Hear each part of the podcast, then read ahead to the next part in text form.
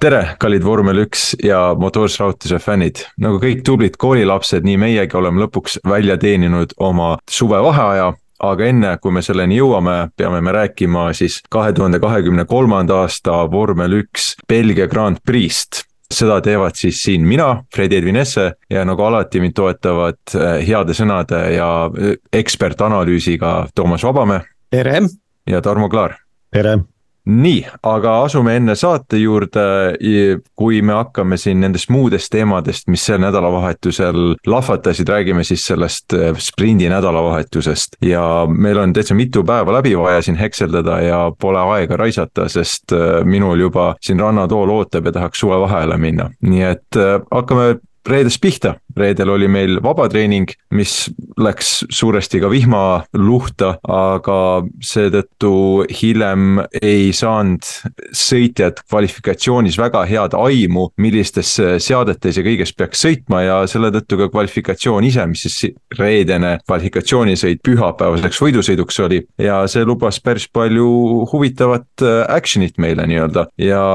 kuidas teile mulje jäi, kas see reedene äh,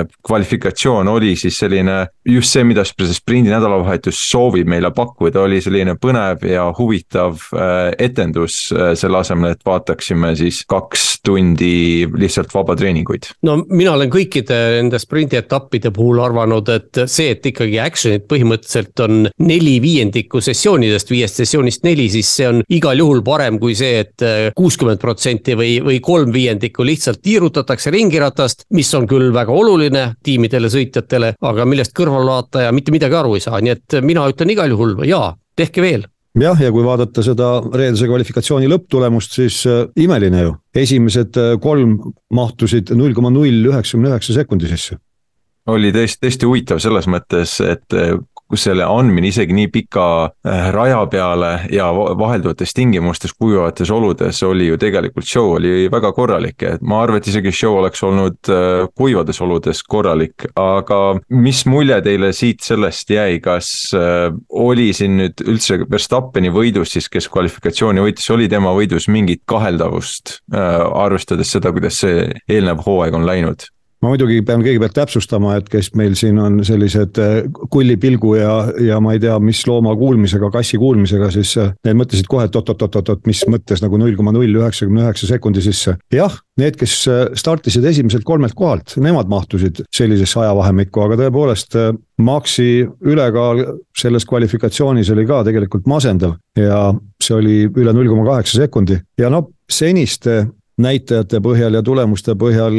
ega väga ei kahelnud tema mäekõrguses võidus, aga alati on ju need faktorid, et kas ilmataat sekkub, kui sekkub, mis siis seal boksi teel toimub ja, ja muidugi, kuna reedene kvalifikatsioon määras stardiliivi pühapäevaks, siis iial ei või ju teada, mida keegi, nagu Toomas tavatseb öelda, hakkab ette kujutama seal stardis, sellepärast et äh, pidi ju Verstappen startima viis kohta tagantpoolt ehk kuuendalt kohalt. Ja see on paraku selline koht ka, kus peaks nagu kiired koos olema, aga tihtipeale äh, läheb seal selliseks algajate laadis pusimiseks, mis võib lõppeda katastroofiga juba esimeses kurvis no Verstappen ju mainis korduvalt, kui talt küsiti intervjuudes,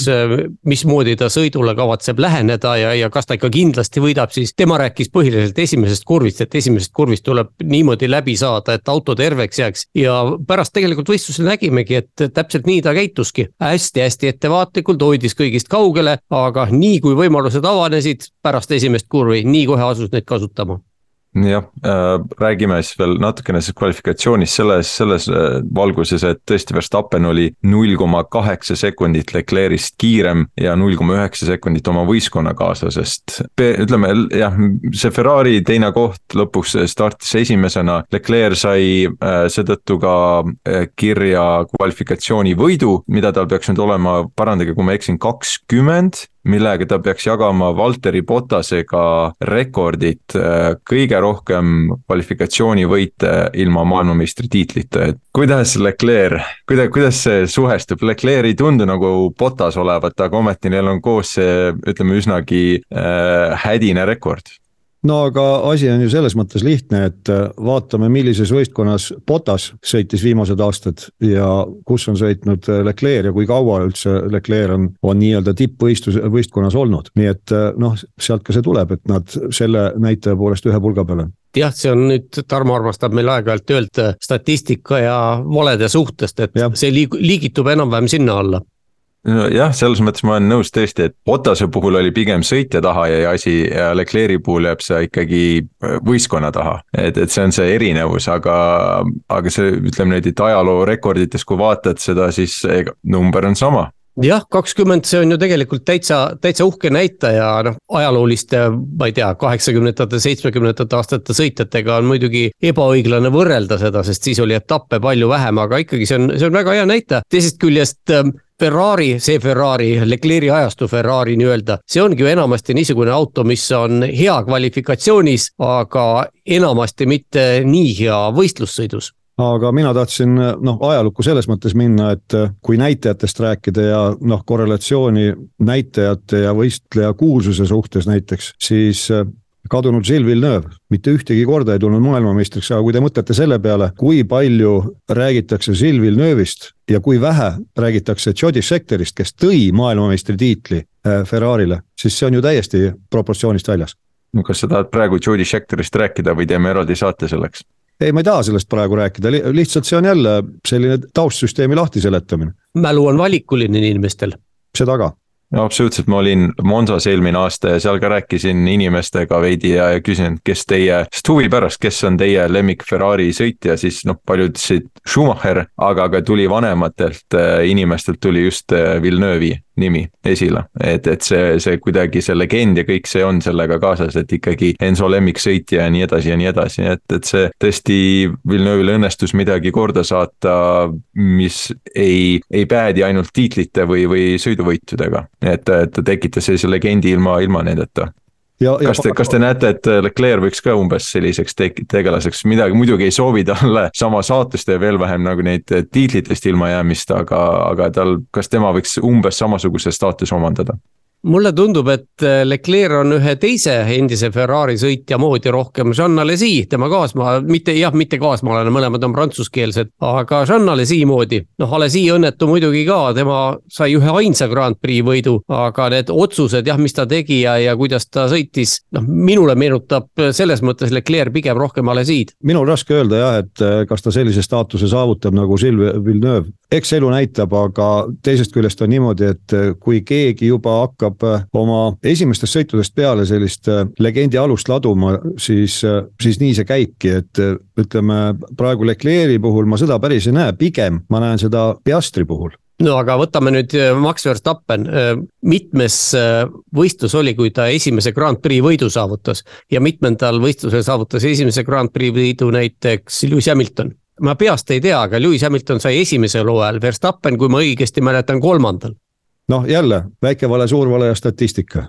no absoluutselt, kuhu tiimi sa maandud, see on alati või Villeneuve'ist rääkides, tema poeg äh, Jacques sai ka ju esimesel hooajal kohe võidu kirja ja noh, edasi teame, sai veel tiitli ka, aga, aga mis sealt edasi läks, jah, ei. ütleks ikkagi, et isa on tal kuulsam ja, ja, ja kuidas öelda, rohkem austatud kui, kui tema poeg vähemalt. on, nii on jah, aga noh, okei okay,, me tegime nüüd päris suure haagi siin üldiselt sellesse reedesesse sõitu äh, või, või ütleme kvalifikatsiooni. hakkasid siin võrdlema võrreldamatuid asju. huvitav teinekord rääkida, on ju, aga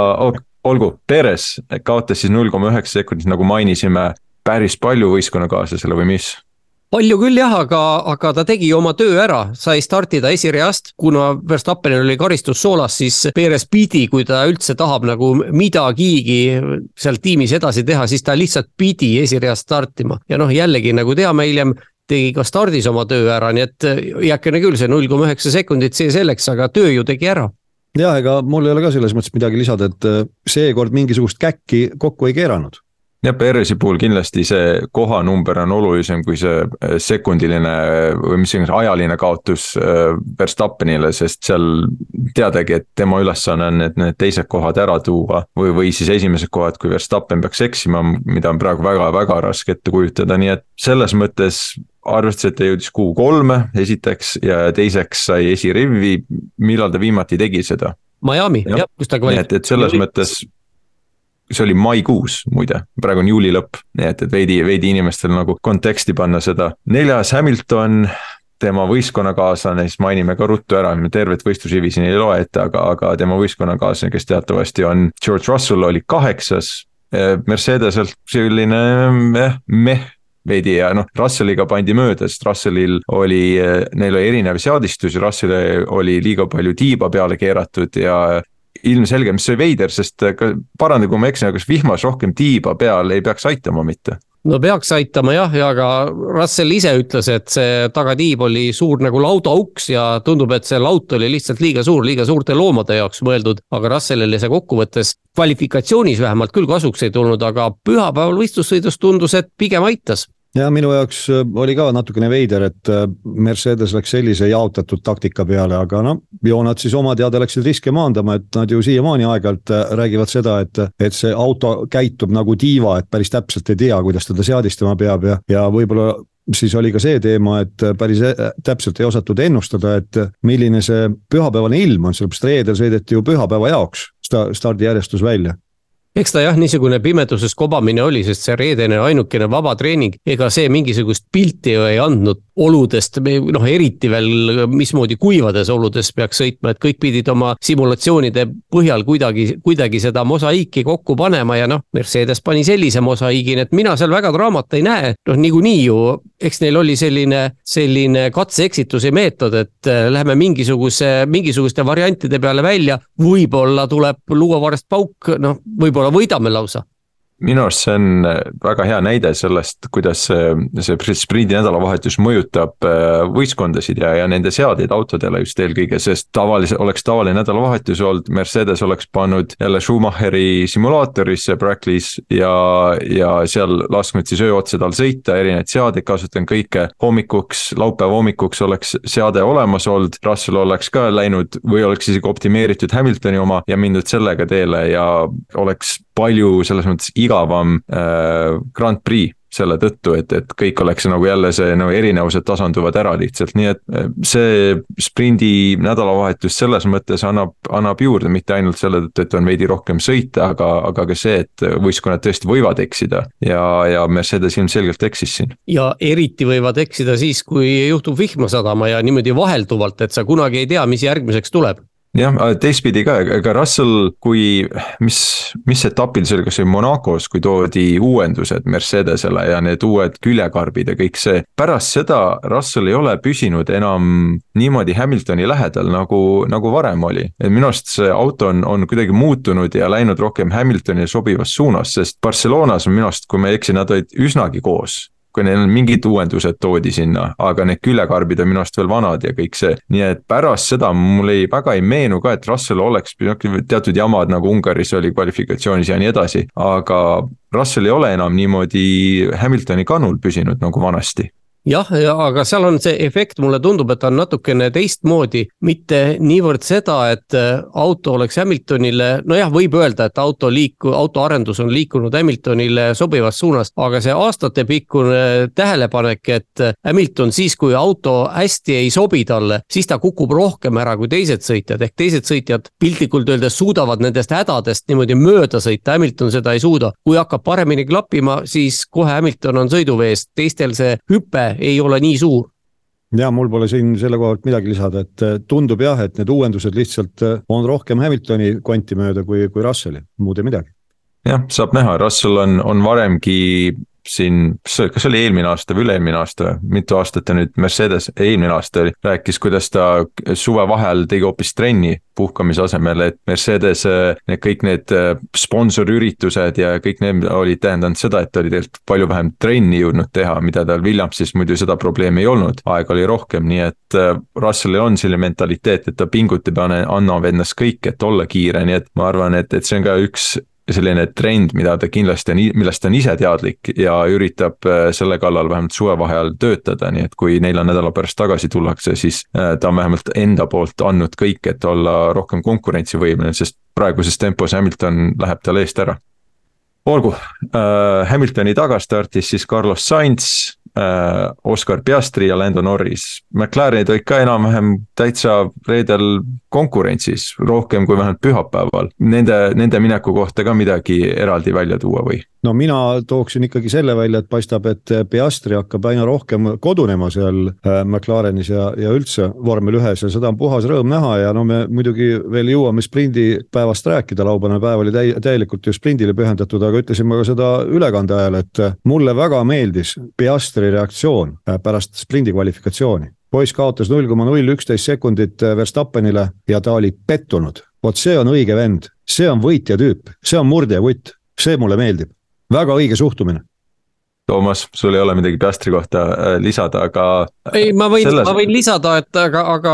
mida me temast siis oleksime pidanud ootama pärast seda võidukäiku, mis ta madalamates vormelisarjades läbi tegi, iga aastaga tiitel, jah, küll tänavu muidugi tiitlit ei ole tulemas aga vormel üks ongi selline veider koht, et sõitjad, kes sinna jõuavad, on ju varasematel, varasemates klassides kogu aeg, noh, kas just võidult võidule sammunud nagu Piastri, aga ikkagi palju võitnud. samas enamik sõitjaid vormel ühes ei võida kunagi midagi, nii et äh, selles mõttes Piastri muidugi, ma ei, ei imesta selle üle ja ega see suhtumine, muidugi see on õige, aga ma väga ei imesta meil, me lihtsalt ei ole näinud tema suhtumist madalamates klassides, meil ei ole teda nii palju intervjueeritud, meil ei ole teda nii suures plaanis näidatud, kogu see äh, melu on ümber väiksem olnud, aga ega ta seal teistsugune ei olnud. Absoluutselt. Ja räägime veel tema sellest minekust ka siin äh, saate teises pooles, aga äh, oli siis Norris ees veidi üle null koma kolme sekundiga, aga, aga noh, see väike märk tuleb juurde lisada, et Norris käis rajalt väljas ja sõitis Q1 Äh, reedel ja tal täitsa vedas, et äh, suutis auto enam-vähem veel kruusateest eemal hoida ja, ja isegi siis ta lõhkus põhja üsna korralikult ja, ja ütleme niimoodi, et ta ei olnud päris terve autoga, ei sõitnud seda kvalifikatsiooni, et seal, seal tuleb see, see lisada, et äh, ei olnud päris puhtalt Piastri üle null koma kolme sekundi kiirem. George Russell kaheksas, nagu mainisime, ja mõlemad Astonid siis üheksandal, kümnendal kohal. Astonilt taas selge näide kvalifikatsioonis, et kiiruselt viies võistkond. No niimoodi ka Alonso ju ise tunnistas, et tema meelest hetkeseisuga nad ongi paremuselt viienda auto roolis mõlemad. Aga ega seal vastu vaielda ei saagi ja McLaren samal ajal on näidanud tegelikult Aston ka noh, ühes, üks positiivses, teine negatiivses mõttes, et tegelikult ei ole vahe, millistel radadel sõidetakse, et tundub, et nüüd on ikkagi selline enam-vähem stabiliseerumine saabunud, et sõitjad ja, ja eriti tiimid on aru saanud, milline nende auto on ja suudetakse enam-vähem samal tasemel seda kiirust hoida, noh suhtes Red Bulliga. aga mahajäämus muidugi on suur, aga, aga selliseid ärakukkumisi nagu hooaja esimesel poolel oli, et mõni rada sobib mõnele autole väga hästi ja teine rada kohe üldse ei sobi, selliseid võib-olla praegu ei ole, võib-olla ma liialdan, aga, aga viimased etapid kolmel väga erineval rajal on näidanud, et niisugune pilt on täiesti realistlik ja need viis tiimi muuseas olid ju täpselt Q3-s esindatud, kõik kahe autoga. olid tõesti lähme siit siis edasi laupäeva juurde, kus meil oli äh, see sprindi kvalifikatsioon ja siis sõit. sõidus läks äh, niimoodi, et Verstappen tõusis või noh, läks esimeselt kohalt startis, Piastri sai temast mööda ja suutis mõned ringid isegi juhtida ja Piastri ka minu arust tõestas ennast päris hästi selles olukorras, kus ta kuidagi ei näida mitte mingit nagu närvi selles olukorras olles, et, et ta oleks kuidagi pabistanud või midagi ja, ja noh, ilmselt tal oli ka teada, et ta ei suuda seda terve, terve selle isegi üksteist ringi seal hoida, aga sellegipoolest Piastri näitas ennast väga heast küljest seal jah, tal närv pidas ja näitaski, näitaski ennast äh, meistrivääriliselt nii-öelda. selles mõttes, et kui arvestada seda, et ta, nagu Toomas siin juba meenutas, et kolm hooaega järjest erinevates võistlusklassides ta sammus tiitlilt tiitlit, tiitlile no mul tuleb meelde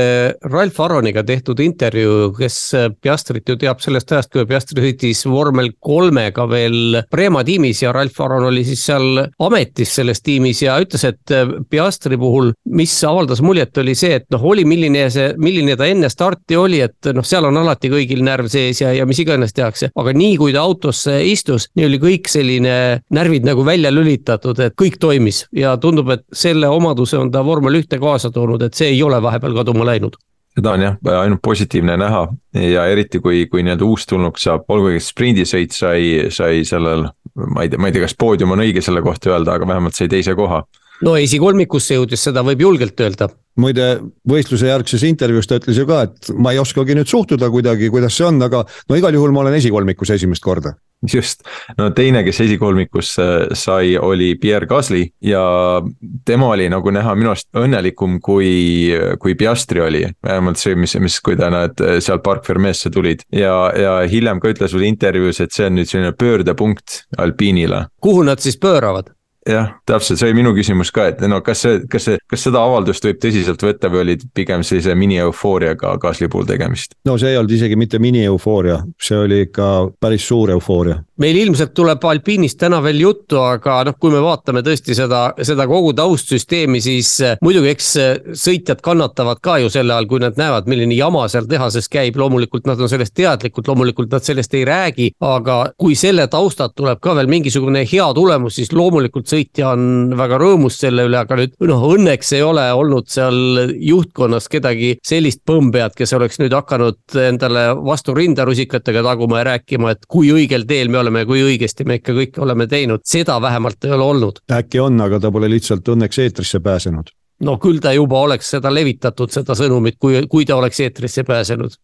Kindlasti oleks jah, see oli ka, see oli, see ei saa öelda niimoodi, et, et oh, nüüd on mingi suur saavutus selle poolest just, et eh, see oli, pidi olema viisteist ringi, sõideti tegelikult üksteist ja, ja kogu see pilt oli eh, moonutatud isegi selle tõttu, et ei, ei tehtud ju mingit tõsise, no ei olnud isegi korralikku sellist äh, nagu vahetust, sest me nägime, kuidas isegi nende pehmete rehvidega põhisõidus suudeti sõita palju kauem kui üksteist ringi. nii et, et see oli isegi selline sprindi kohtade oli väga lühikene sõit ja et, et selle põhjal mingeid järeldusi teha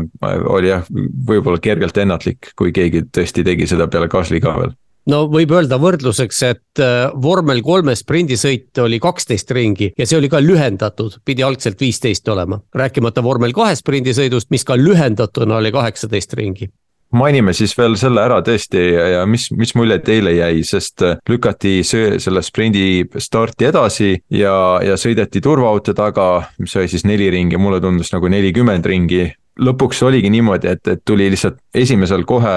ringil või võimalusel tuldi boksi, pandi need keskmise ilma rehvid alla, et Pirelli ise ka tunnistas, et need praegused täisvihmarehvid, need on kasutud või mõttetud ja minu arust täiesti õigus ja noh, me oleme seda juba varemgi rääkinud. sellest on rääkinud sõitjad juba korduvalt ju selle hooaja jooksul, et need praegused täisvihmarehvid on mõttetud, samas ilmselt te olete ka meie, minuga nõus, et Pirellit siin süüdistada ei saa Pirelli on seda teinud, mida temalt on palutud. Ja palun väga, tulemus on käes, nüüd nad on siis äh, lõppenud äh, etapil tunnistanud ise äh, Mario Isola suu läbi, et tõesti, ongi mõttetud rehvid, sellepärast et nad toimivad siis, kui vormel ühes võidusõitu ei toimu, lihtsalt ei lubata võistelda ja, ja kui lubatakse võistelda, siis on täpselt see moment, et turvaline on minna vihmarehviga kiirem, mitu sekundit ringi peale, kiirem on üleminekurehviga, tõsi, siis äh, seal sa võid riskida sellega, et äh, see vesiliug võib suhteliselt kergesti tekkida, aga ongi niimoodi, et äh, see tuleb tõsiselt läbi mõelda tegelikult FIAL, FOM-il, et mida nad siis tahavad, võib-olla peakski minema ikkagi lihtsalt ühe vihmarehvi peale, et ongi üks variant ja kogu lugu no nende täisvihmarehvide õnnetus on ju see, nende vee eemaldamise võime, see, kui palju nad äh, rehvi alt vett eemaldada suudavad, on oluliselt kõrgem, ma ei mäleta, mitu korda kõrgem, kui on üleminekurehvidel. jah, see oli tõesti kordades, ma mäletan ka jah. aga nüüd äh, küsimus on, kuhu see vesi läheb vesi lendab loomulikult õhku kõik, mis tähendab, et äh, nähtavus ju halveneb ja nende rehvide probleem ongi see, et see ilm, mille jaoks nad sobivad, selle puhul nad viskavad vett üles nii palju, et põhimõtteliselt võidu sõita on võimatu. tähendab, need rehvid ise teevad võidusõidu võimatuks ja ainukene kasutusviis neil praegu, reaalne kasutusviis ongi see, kui starditakse turvaauto järel märjal rajal, sest siis reeglid kohustavad kasutama täisvihmarehve, ehkki nad on mõttetud nojah, sõitjad on ju ristinud nad ka turvaauto rehvideks. No et need ongi põhimõtteliselt, aga see ei ole ainult rehvide süü, see on kogu see uus äh, valem nii-öelda vormel ühes, kus siis põhja alt seda äh, survejõudu tekitatakse ja, ja see on samasugune, kui mitte suurem tolmuime ja, ja veepritsme tekitaja kui, kui rehvid ja seda küll, seda küll jah, aga ma tahtsin lihtsalt rõhuda sellele, et see koguste vahe on rehvitüüpidel erinev. põhja alt loomulikult sealt lendabki rohkem vett ja, ja need püüded, et mingisugused nii-öelda porilauad vormel üks autodele kombineerida, noh kukkusid läbi ja, ja need olidki määratud läbi kukkuma, seal ei ole mitte midagi imestada jah, Silverstone'is testiti neid porilaudu ja noh, meie juba varem siin, mis me nüüd ilkusime, aga, aga olime kuidagi hämmingus, et. skeptiliselt meelestatud. vot see oli ilusti öeldud, Toomas, tubli ja, ja nüüd siis takkajärgi, mis järeldus tehti, öeldi, et jaa, et äh, arvutisimulatsioonid näitasid, et äh, sellest võiks abi olla, aga mida ei suudeta jäljendada arvutis, on see, kuidas see veepiisk pihustub, kui ta põrkab seal kokku millega iganes, teega, autoosadega ja nii edasi. et mil-, millisteks ütleme, mikroosakesteks ta, ta laguneb ja kui kaua ta siis seal õhus hõljub, äh, kuidas tuul mõjutab ja ei mõjuta ja nii edasi, sellepärast et näiteks baas oli selline tore lugu veel, et jutumärkides tore lugu, et vähe sellest, et see veesammas tuleb nii difuusori alt kui, kui rehvide alt, aga näiteks Kemmeli sirgel, kui tuult ei ole ja hakkab päike paistma, siis on sõitjad sõna otseses mõttes udus sellepärast, et asfalt hakkab kuivama ehk see vesi hakkab aurama ja seda me ka nägime. jah, seal, seal ei ole mingit head lahendust sellele ja, ja ilmselt see vormel ühe tulevik praeguses seisus ongi selline, et, et lihtsalt kui vihma sajab, siis ega ei sõideta lihtsalt et see, see ongi lihtsalt see paratamatus selle, selle ajastu vormel ühes. kui meil põhisõit pühapäeval toimus, siis selliseid probleeme enam ei olnud ja, ja start sai antud äh, kuivades oludes ja Leclerc ja Perez said ilusasti minema, Leclerc oli, oli, vabandust, Perez oli eespool esimesest kursist välja tulles ja, ja suutis seal, vabandust, Perez oli järel ja suutis Kemmeli sirgel mööda minna, mul on juba siin nii palju sõite äh, peas sassis Perez tõusis siis esimeseks, kus ta pidi olema põhimõtteliselt ja, ja Verstappen ka sealt äh, sai tänu siis ühele äh, ütleme niimoodi, et teatud, ma ei, ma isegi ei oska seda, seda iseloomustada, mi-, mis täpselt selle nagu põhjus oli siis, aga Verstappen tõusis ka kõvasti tänu sellele, et äh, tema ees Carlos Sainz ja Oscar Piastri said kokku ja sai, ütleme, Piastril ei jäänud siis kuhugi minna, Sainz surus või Piastri pistis nina vahele ja Piastri lõhkus endal põhimõtteliselt vedrustuse ära ja Sainzil oli päris suur auk külekarbis sees, mis põhimõtteliselt, kuigi ta jätkas edasi, midagi muud peale selle ei toonud, et ta langes viimaseks, kuni lõpuks äh, otsustati ta boksi parkida. kuidas teie seda Piastri ja Sainzi olukorda nägite, selles mõttes, et kas Piastri pihtis nina vahele ja, ja oleks võinud järele anda või Sainz tuli järsult vasakult poolt paremale ja lihtsalt surus Piastri vastu seina? no me arutasime seda seal otseülekandes ka ja minu meelest me olime ühel nõul Toomasega, et see teine variant, tegelikult äh, Sainz lõi lihtsalt ukse kinni ja see tema jutt, et äh, Piastri lootusetus olukorras tuli nina vahele panema, minu jaoks ei päde. sellepärast, et Piastri oli juba ennem kurvi oma esi, esiteljega kohakuti siis Sainzi tagaratastega ja, ja nendel oli külgepidi oli vahe päris suur ja sellist asja ka ei olnud, et Hamilton oleks äh, kuidagi su surunud äh, Sainzi. tal oli ruumi Hamiltonini ka minna, aga ta lihtsalt rämedalt keeras peale äh, Piastrile ja miks ta keeras peale, see ei olnud ka mitte lihtsalt äh, niisama, vaid äh, panite tähele, ta ju pidurdamisel lasi pidurit korraks plokki, sealt tuli täitsa korralik suitsupilv alt välja ja siis ma arvan, et küsimus oli selles, et ta püüdis päästa, mis päästa annab, auto kontrolli alla tagasi saada, et mitte auto otse ei lohiseks Hamiltonile otsa. keeras järsult sissepoole ja noh, see, et Piastri juhtus samal hetkel pretendeerima samadele asfaldi ruutmeetritele, lihtsalt ebameeldiv kokkusattumus jah, mina siin Piastri süüd ei näe tuleb välja, et žürii ei näinud üldse kellegi süüd, et Sainz ka ei olnud süüdi ja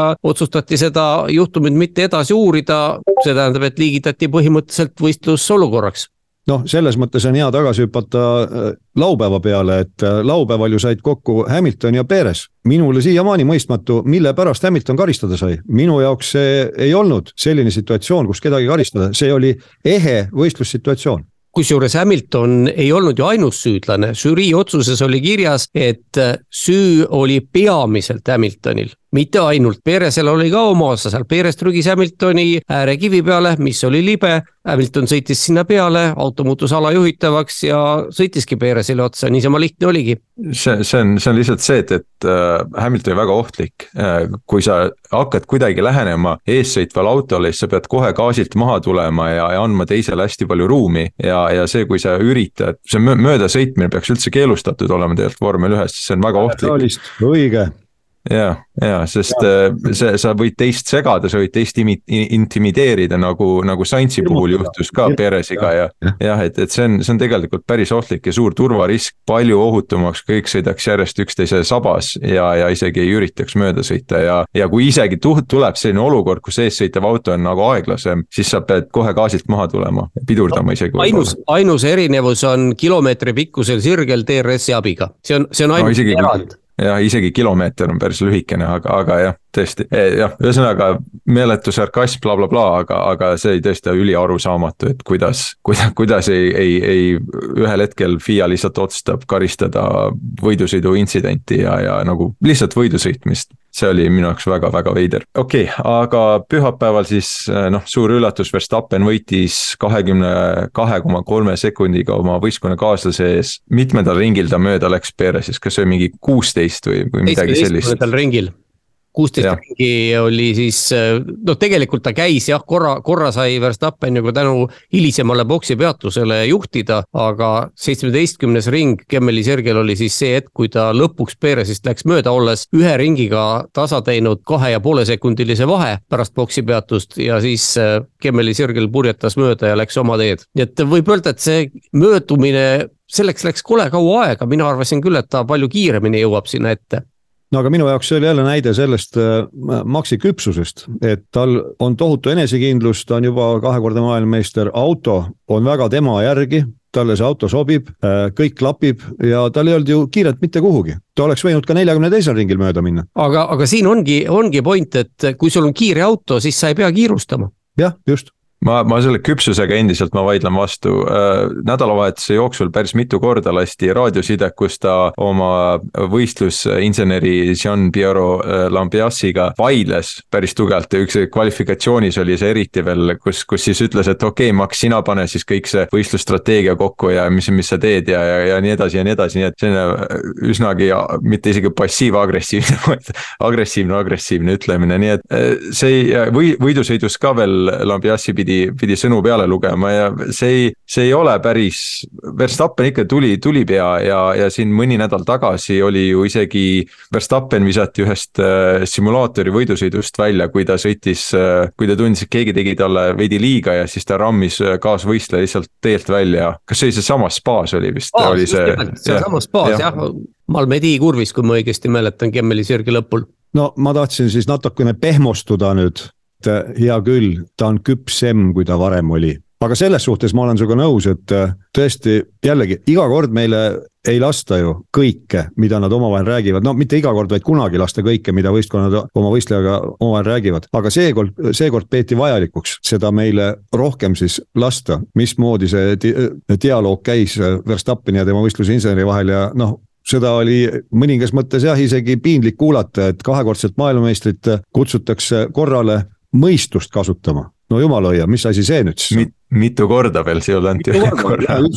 no ega me ei tea, mida ta seal enne tegi, meie ju nägime ainult, et ta sõidab ja, ja võisime vaadata tema ringi aegu, me ei tea, mis ta seal autoroolis ju tegelikult tegi, noh, insener näeb ju põhimõtteliselt iga, iga näpuliigutust, mis seal toimub, mine tea no üks, mis oli, mida, mida ka meile lasti, et äh, boksist väljasõiduring oli arutult kiire, et ta tegi rehvidele liiga, see, seda lasti meile küll. aga tegi siis liiga või? no lõppkokkuvõttes lõpuni ju sai. no lõpuni sai, Perezist sõitis mööda, võidu võttis, kiirema ringi võttis, mis veel?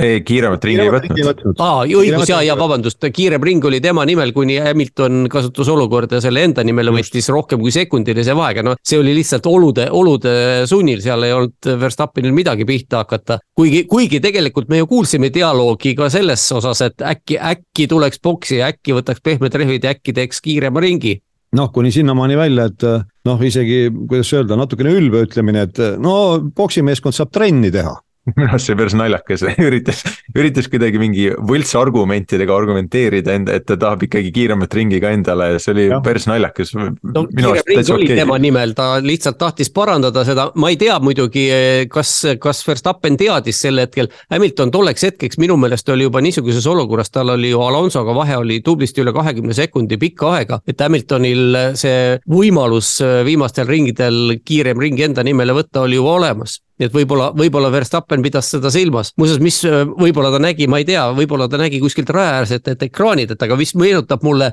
oli see nüüd, see oli laupäeval millisel sessioonil, kummal sessioonil, ma ei mäleta, aga näidati Alonsot suures plaanis, kuidas ta Raidioni kurvi läbides vaatas midagi raja ääres, jälgis silmadega midagi paigal seisvat, kui ta sellest mööda sõitis. Ja ilmselgelt pidi see olema rajaäärne ekraan jah, see oli just selle, selles mõttes märkimisväärne, et see radiooni kurv on ju ülikiire ja mäest üles ja mis peaks nagu nõudma tohutut keskendumist eh, juhi poolt ja kurv on seal vasakule ja Alonso vaatas paremale. no eks ta oligi keskendunud, aga lihtsalt vaatas ekraani. jah, Fredi vaatab ka ekraani. ma kogu aeg vaatan ekraane, isegi magades vaatan ekraane aga minu jaoks oli see Verstappeni sõit selline avaldus, selline avaldus, et okei okay,, isegi kui ma ei, ei startinud esimeselt kohalt ja mida kõike, siis ma lihtsalt hävitan ülejäänud äh, välja. ja, ja, ja ta lihtsalt and, andis hagu, seda oli näha, ta ühel hetkel peaaegu kaotas äh, kontrolli äh, minnes Oruge'i ja noh, ta, ta pingutas ikkagi ja, ja see ka samamoodi nagu Lambiassi ütles, et, et kui, et sa võib-olla võtsid liiga palju rehvidest välja. noh, okei okay,, see on selline tüüpiline olukord, kus boksi idee on alati väga tagasihoidlik ja, ja konservatiivne ja sõitjad tihti kip-, tihtipeale kipuvad olema pigem agressiivsed ja, ja pressivad rohkem. aga minu jaoks see tundus küll lihtsalt Verstappen tahtis näidata, et ta, ta suudab maksimumiga võita tuletab meelde ka seda, et Verstappen ju porises, kui Perez võeti boksi enne teda. aga noh, tiimi seisukohalt loogiline, et see, kes on eespool, see võetakse enne, Perez pealegi ju juhtis sõitu, nii et selles ei olnud, suures plaanis ei olnud midagi imelikku, aga, aga Verstappen ikkagi noh, loomulikult iga selline tippsõitja on egoist ja, ja ajas ikka oma, oma joru. kusjuures huvitaval kombel sprindisõidus ta ei orisenud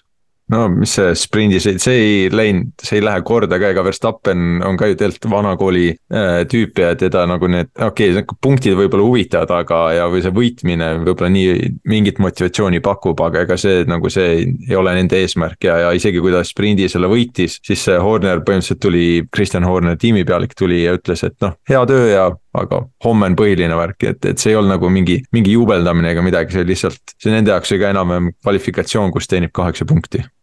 no samas Verstappen ju ise seal pärast intervjuus, noh intervjuus muidugi võib kõiki asju rääkida, aga intervjuus ütles, et ei, et sellest äh, üks ring hiljem peatumisest sprindis, et sellest ei olnud midagi, et see välistas ka ohu, et keegi oleks boksi teel teda segama sattunud seda me nägime päris palju jah, paljud jäid kinni seal nii-öelda ja, ja siis oleks Verstappeni, no kuigi üheteist ringiga ta oleks ikka ilmselt tagasi teinud mis iganes kaotuse, lihtsalt oleks pidanud veidi rohkem pingutama. Äh, Perez, eks ju, põhisõidus teine, nagu öeldud, kaotas üle kahekümne kahe sekundi, aga esimest korda kolme kuu jooksul oli teine just selles nagu mahus, nagu ta peaks olema selle autoga ja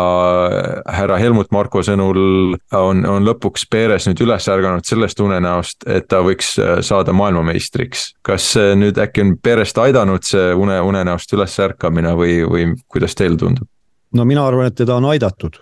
no ma arvan, et see äratuskell oleks tulnud juba mitu kuud tagasi käima panna, et Perez ikkagi hiljemalt Miami järel oli ju selge, milles, mi, mi, kustpoolt ikka tuul puhub, et seal ei olnud nüüd mitte midagi teha, Perez ainukene oli see, oli nähtavasti ainukene, kes ei saanud aru, mis, mis ümberringi toimub. Ja minu meelest Helmut Marko ütles nüüd ka spa kokkuvõttes, et äh, Perezi kohta siis, et Perezil on kahe tuhande kahekümne neljandaks aastaks leping, ta lõpetas teisena, ta on MM-i punktitabelis teine, mida te veel tahate? jah, eks ta ise tahtis, sellest tuligi pigem see, et oleks ta, sest ta ise väga avalikult rääkis ju siin äh, pärast Jedat ja kõike, ma mäletan, oli, tegi veel sellise avalduse, et, et mina peaksin mm üldedetabelit juhtima ja, ja nii edasi, et, et sellised äh, väga grandioossed väljaütlemised tema, tema suust eelkõige. Helmut Marko ütlemine, ütleme, oli siis provotseeritud pigem sellest, et äh, üksjagu on spekuleeritud selle ümber, sellel taustal, kui kehvasti siin vahepeal nüüd Perez esines nii kvalifikatsioonis kui võistlustel, et äh, kas ta vahetatakse välja, ei ole põhjust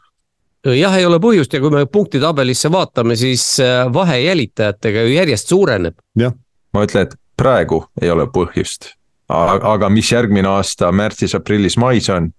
järgmine aasta räägitakse juba üle, ülejärgmise aasta kohta, seda me praegu ei tea. ja Perez ise ju ütles, et jah, et ta on nüüd enesekindluse uuesti leidnud, see oli võistlusjärgses intervjuus ja, ja kavatseb kõik äh, järelejäänud etapid lõpetada esikolmikus. saame näha. väga hea, kui plaan on olemas, see on, see on suurepärane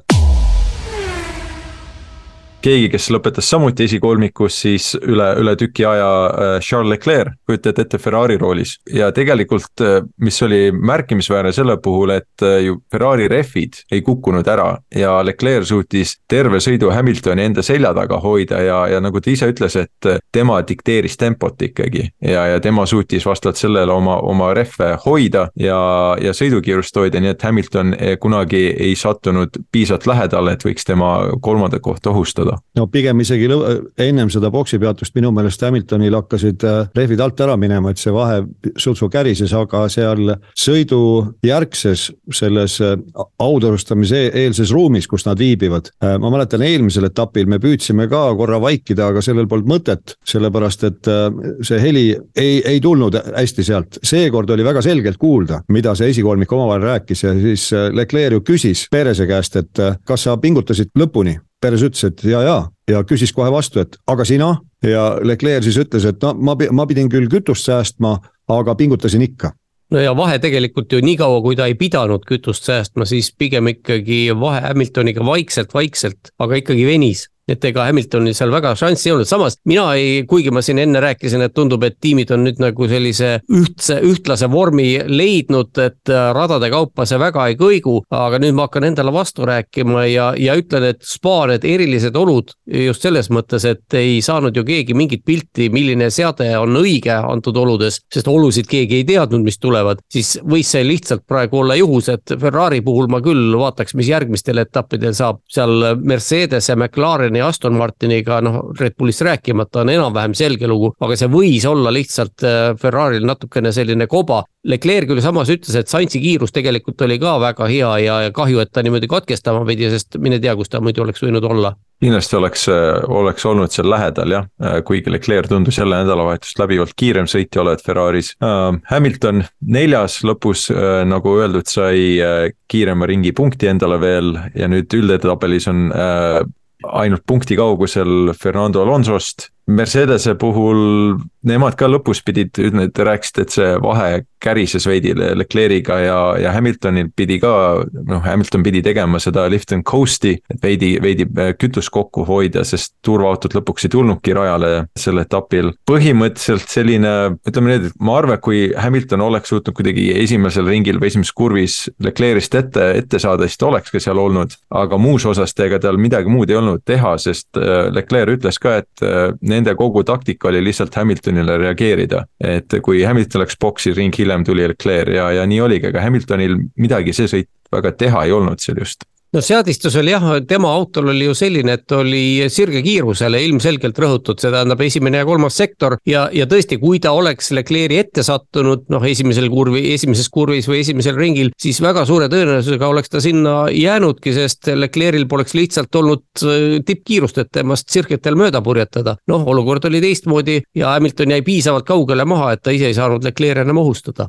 jah, aga muidugi seda oli noh, omamoodi tore näha, et Fernando Alonso äh, võistluse käigus, mis ta alustas üheksandalt kohalt, lõpetas siis viiendana, noh, hea küll, äh, Sainz ja Piastri kukkusid vahelt ära, aga ikkagi, et ei kukkunud ära Alonso sõidu käigus mõtleme nüüd seda, kui suur vahe tal oli Hamiltoniga enne seda, kui Hamilton kaks ringi enne lõppu boksi läks. no see, see vahe oli suur. kakskümmend viis sekundit, meeletu vahe see vahe oli suur ja, ja ma hoidsin silma peal ka sellel korraks ja juhtus niimoodi, et, et sellel, noh, sellel etapil me nägime, kuidas Norrise juurde nüüd jõuame, kes lõpetas seitsmendana. aga Norris oli väga hea näide sellest, kuidas see undercut ja just eelkõige undercut äh, pehmetel rehvidel sel etapil oli meeletu äh, mõjuga ja, ja suudeti just nendes kuivates oludes või sellistes vahepealsetes, vahepeal tuli natukene nagu vihma või vihmataolist asja, siis äh, suudeti selle ajaga meeletu edu teha ja, ja see oli ka põhi, põhiline põhjus, miks Norris nii kõrgel lõpetas, siis Hamilton ka tegelikult tegi ju,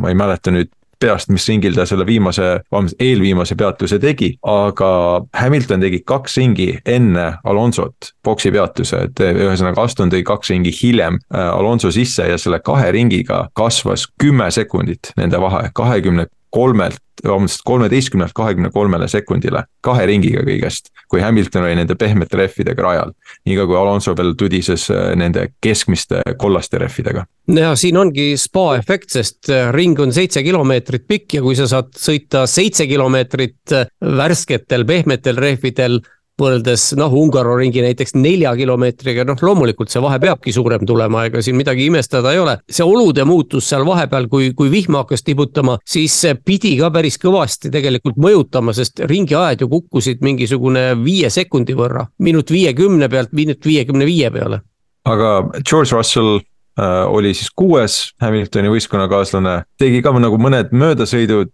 aga, aga nagu millegiga väga silma ei paistnud või tegi ta üldse möödasid või ma mõtlen pigem praegu ma mõtlen vist isegi laupäevasele sõidule. no laupäeval oli suhteliselt tagasihoidlik, aga pühapäeval ikkagi kerkis täitsa, täitsa korralikult seal ette, muidugi boksi taktika tema puhul mängiti ka perfektselt, ma ütleksin välja. noh, selles mõttes muidugi, kui jälle pelgalt äh, vaadata siin mingisugust äh, statistikat, eks ole, et ta alustas kaheksandana, kaheksandalt kohalt lõpetas kuuendal kohal ja tema ees kaks tükki kukkusid ära, et noh, millest me siis räägime, aga just, et seal need poksitaktikad, asjad, kuhu ta paigutus rajal ja nii edasi, et möödasõite ta seal tõesti tegi, aga noh, teisest küljest jälle midagi, midagi sära, väga säravat ka ei olnud. Hamiltonist ainult kaks kohta maha tagapool, et selles mõttes ei ole ka midagi, midagi väga eriskummalist ei ole, muidugi jälle ajaline vahe oleks olnud meeletu ja ega Alonso püüdmine, see ei oleks ilmselt olnud ka võimatu, aga nähtavasti ikkagi see laudauks ka Russelli tublisti segas pühapäeval, kuigi edenes päris hästi no ilmselt segas, sellepärast et ma siin viimasel ajal armastan natukene ka statistikat ikka esile tuua, eelkõige mis puudutab need võistluse sees sõidetud kiiremaid ringe. Ja mul on siin ees tabel siis, kus on siis kümne kiirema ringi keskmine välja toodud. Ja näiteks Hamilton on selles tabelis Max Verstappeni järel teine, hoolimata sellest, et ta lõpus ikka paugutas hullult kiire ringi tänu nendele värsketele rehvidele. George Russell on selles edetabelis üheksas, kaotust tuli palju tal tuli, tuli null koma kaheksa sekundit kokku, noh, hea küll, suur, suur osa sellest äh, vahest on võib-olla tõesti sellest, et äh, Hamilton seal viimastel ringidel sõitis nende kõige pehmematega, aga ikkagi neil seal sõidu käigus kiiruslik vahe oli ja ma olen ka veendunud, et see tuli eelkõige autoseadetest kindlasti tuli autoseadetest ja üldiselt ikkagi ma jään selle juurde, et Hamilton tunneb ennast praeguses Mercedeses mugavamalt ka ja no seda on nagu näha olnud. lihtsalt Russell, ma arvan, et ta teeb tööd ja, ja üritab tagasi tulla tugevamana kui varem aga räägime Norrisest ka siis, Norris. oota, enne kui Norrise juurde läheme, tasuks tegelikult seda ka ära mainida, et see üks kiirema ringi punkt, mille Hamilton teenis, see tõstis ta nüüd Alonsole nii lähedale, et nende vahe on veel üksainus punkt ma isegi mainisin seda. ma tahtsin ka mainida, miks mina ei saa? jah, sina pead kogu aeg selliseid asju välja rääkima okei okay,, no ma, ma eeldan, ma panen taimeri jooksma, vaata vähemalt viie minuti jooksul mainib Tarmo ka selle ära vähemalt, aga, aga olgu siis. Äh, see on mainitud Norris tundus, et, et McLarenil tuleb jälle selline kata-, katastroof äh, võidusõit, kus äh, Piastri on väljas ja, ja Norris kukub kuhugi taha ja lõpetab enam-vähem nagu Miami's oli kuskil seitseteist, kaheksateist positsioonil. aga, ja no oli ka tegelikult nende kõvade rehvidega, mis äh, Norrisele alla pandi, poisil ei olnud lihtsalt minekut ja, ja häda oli ju päris suur neil. no häda oli tõesti suur, sellepärast see ringiaegade vahe oli tegelikult ju meeletu ja ta kutsutigi suhteliselt ruttu, aga ikkagi minu meelest liiga hilja sisse, et ta, ta jõudis neid aeglasi ringe liiga palju teha ja Norris oli vist ainukene, kes võidusõidu jooksul üldse kõvu rehve kasutas, aga ise ta ütles ka ju lõpuks, et ta ei saa kuidagi aru, kuidas oli võimalik üldse seitsmendal kohal lõpetada. stardis olid rehvid olid viletsad, siis kui esimene poksipeatus oli ära, kõvad rehvid olid veel viletsamad, siis sai nendest ruttu lahti, aga mis edasi juhtus, ei tea, oli seitsmes. hea auto ikka järelikult, kui, kui isegi niisuguse jama peale tuled veel seitsmendaks absoluutselt ja auto tundub, et noh, neil, mis neil häda oli, oli see, et Norris ütles, et neil ei olnud või tiim keskendus liiga palju arendustele ja seetõttu kuidagi see äh, võidusõidu äh, läbi, läbiviimine ja noh, planeerimine äh, kannatas. ja Andreas Stella täpsustas seda, et neil lihtsalt, kuna neil olid muud uuendused ja olid nagu suurema tähtsusega, tähtsamad, siis seetõttu nad ei suutnud tuua madala selle aeroga tagatiiba see, mis oleks siis enam-vähem nagu nägime Red Bullidel või Aston Martinitel ja teistel eh,. McLaren sõitis siis enam-vähem nagu tavalise tagatiivaga, mida siis et nagu miinimumini krutitud ah,. ja seetõttu ka ütleme, nende hea esinemine reedel ja eelkõige siis Piastri laupäeval eh, vihmastes või kuivates oludes. selle tõttu oli, oli jah, Norrise sõit hiljem oli päris muljetavaldav ja, ja minu arust tegi ta ju selle etapi kõige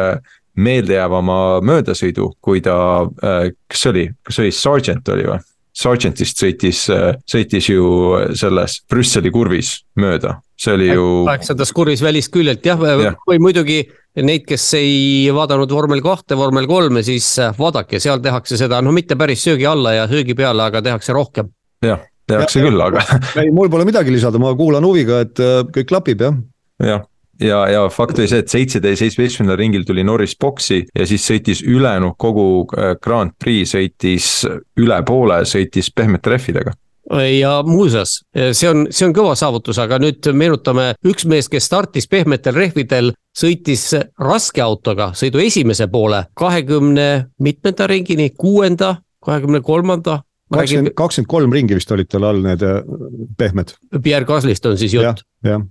et tuleb välja, et nendes oludes tegelikult äh, väga hästi pidasid vastu pehmed rehvid ja Gasly ju, nägime ta ju sõitis seal ühes grupis, oli Lance Stroll. seal oli Ocon. Ocon tuli hiljem järgi, aga kas see oli Tsunoda, Tsunoda jah ja., nii et see kolmik ja Gasly ei olnud küll kuidagi ei olnud aeglasem. Strollist läks ta isegi mööda, kui rehvid oleksid pidanud just tema autol alt ära kuluma, mitte Strolli omal. jah, võistluse sees oli seal tagapool oli kemplemist kõvasti, et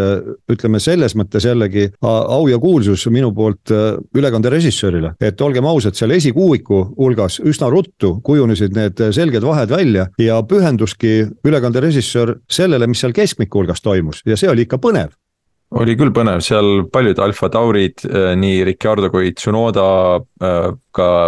madistasid, Hülkenberg oli, oli toimetamises, äh, Zhou Guan Yu möllas, nii et, et nagu seda, selles mõttes seal keskel käis küll andmist kõvasti. Ja, ja kes selle võitis, ütleme selle madistamise, okei okay,, kui jätame Norrise kõrvale, oli Esteban Ocon, kes vahepeal oli kuskil seal kohtadel kaksteist, kolmteist, midagi sellist ja, ja lõpus suutis päris head kiirust näidata ja lõpetas Norrisest äh, täpselt sekundi kaugusel, nii et, et talle ole, ta ei olnud ka kaugel, et võib-olla isegi Norriselt see koht ära võtta. huvitav ongi see, et kui siin noh, alpiini me oleme siin ka äh, jutumärkides heade sõnadega meelde tuletanud, aga see, kuidas nad selle võistluse, võistlussõidu pühapäevase Grand Prix välja pidasid, see väärib küll eraldi kiitust, sest olid ju täiesti erinevate taktikatega. Kasli oli ühe peatusega, Ocon oli kahe peatusega, noh, Kaslil ei tulnud see päris välja, ta jäi, jäi punktikohtadelt välja, aga Oconi taktika mängiti küll perfektselt välja, noh, võib-olla oleks seal olnud mingisugune õhkõrn võimalus ka veel Norris kinni püüda, aga see selleks, igal juhul tegi Ocon hea sõidu.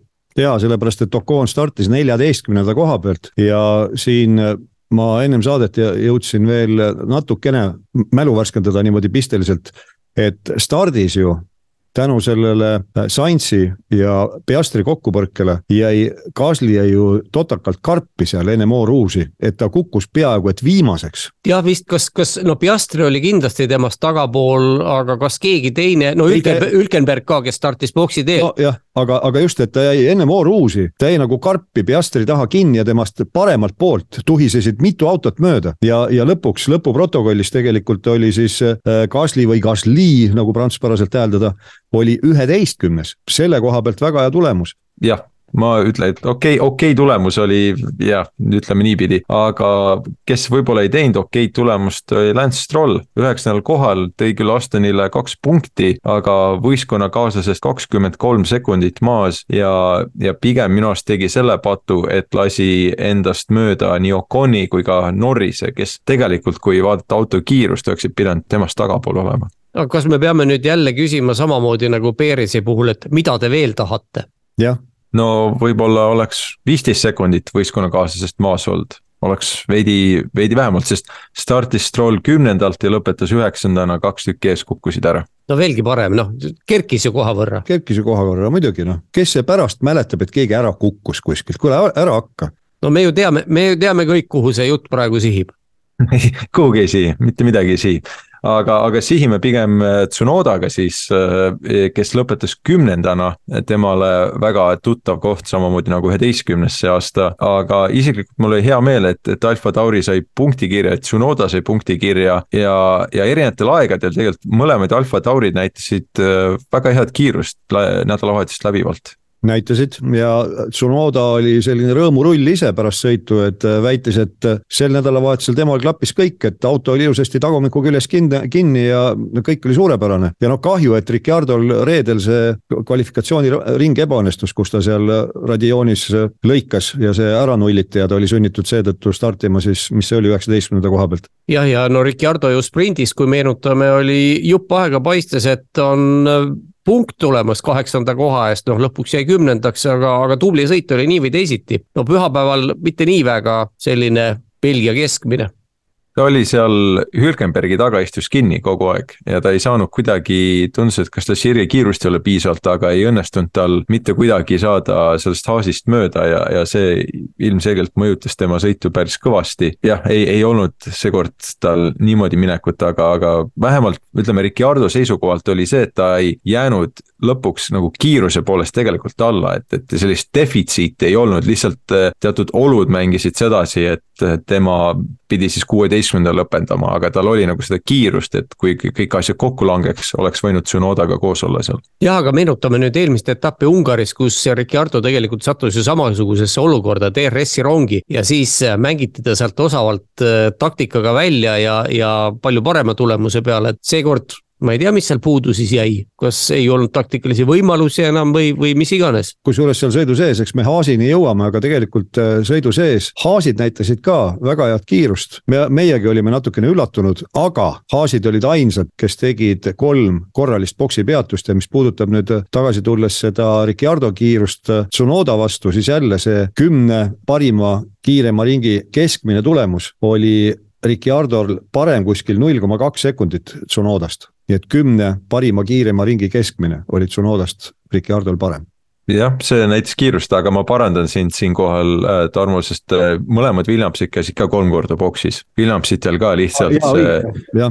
jah neil oli see häda, nad kirjeldasid ka veel seda, neil oli tiiba äh, piisavalt vähe peale krutitud, nii et teises sektoris, kui nad lihtsalt pidid sõitma ja, ja pingutasid üle, et, et mingitki kiirust hoida ja see lihtsalt hävitas, aerodünaamilise survejõu puudumine lihtsalt hävitas need äh, rehvid selles keskmises sektoris ära ja neil ei olnud nagu mitte mingit mitte mingit lootustki, et, et saaks nagu kahe peatusega selle tehtud ja olla, olla kuskil võistlusrivis nagu normaalsel kohal.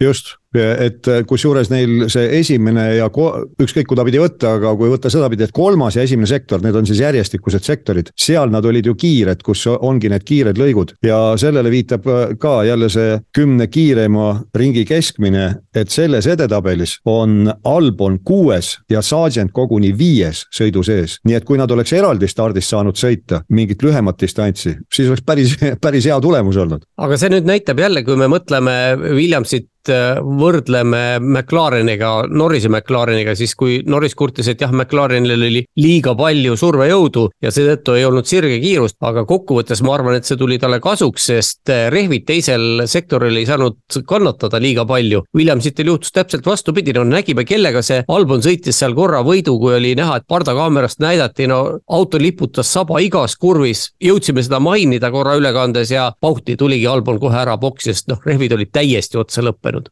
ma, ma lihtsalt lisan siia, et see Tarmo statistika ongi täpselt see, et see on statistika tegelikult, sest mõlemad Williamsid tulid kolmkümmend kolm ja kolmkümmend neli ring äh, boksi viimastena, põhimõtteliselt välja arvatud Hamilton. ja siis neil oligi täpselt põhimõtteliselt kümme ringi aega sõita kerge auto ja värskete rehvidega nii-öelda selline kõrgem keskmine. Äh, ja selle tõttu nad ka seal edetabelis on, on kõrgel kohal. no selle kohta Aga... on inglise keeles olemas tore sõna glory run noh, ütleme nüüd nad olid sunnitud sellesse, nad ilmselt oleks võtnud vähem glory't ja, ja võib-olla kõrgema koha, võib-olla isegi mõne punkti, kui, kui et seda nii-öelda lõpus seal, seal seda teha, aga mis meil veel, kas teil kedagi veel soovite nendest sõitjatest äh, esile tuua, kes ei jõudnud punktile? Mina tahaks ära mainida selle, et äh, sõidu ajal me imestasime Toomasega tükk aega, et miks küll hoitakse väljas Saintsi. Ja nüüd täna ma siis lugesin Fred Vasseuri põhjendust, miks nad nii kaua Saintsi hoidsid väljas, nemad lootsid, et äkki hakkab äh, nii palju sadama, et tulevad punased lipud välja ja nad saavad auto korda teha, see oli nende kalkulatsioon no mis ei ole tegelikult sugugi niimoodi liivale rajatud, sest äh, statistika kohaselt ju viiel eelmisel aastal iga kord on vähemalt üks kord turvaauto väljas käinud ja see, et tänavu ei tulnud seda kordagi veel niisugustes natukene veidrates oludes, kus äh, autode seadistused olid osaliselt jumal teab kust korjatud üles, siis see on ikka päris imelik küll. või nad lihtsalt unustasid, et sant sõidab üldse aga. no Ferrari, Ferrari taktikaosakonna tänavusi vägitegusid arvestades noh ei tea, igal juhul ütleme nii, et äh, vabanduste väljatöötamise osakond on neil head tööd teinud. jah, nõus no see Ferraris on lihtsalt, kuidas öelda, kindel töökoht, eluaegne kindel töökoht seal, selle, selle omamine, aga olgu. paneme siinkohal siis selle võistlusnädalavahetuse kinni,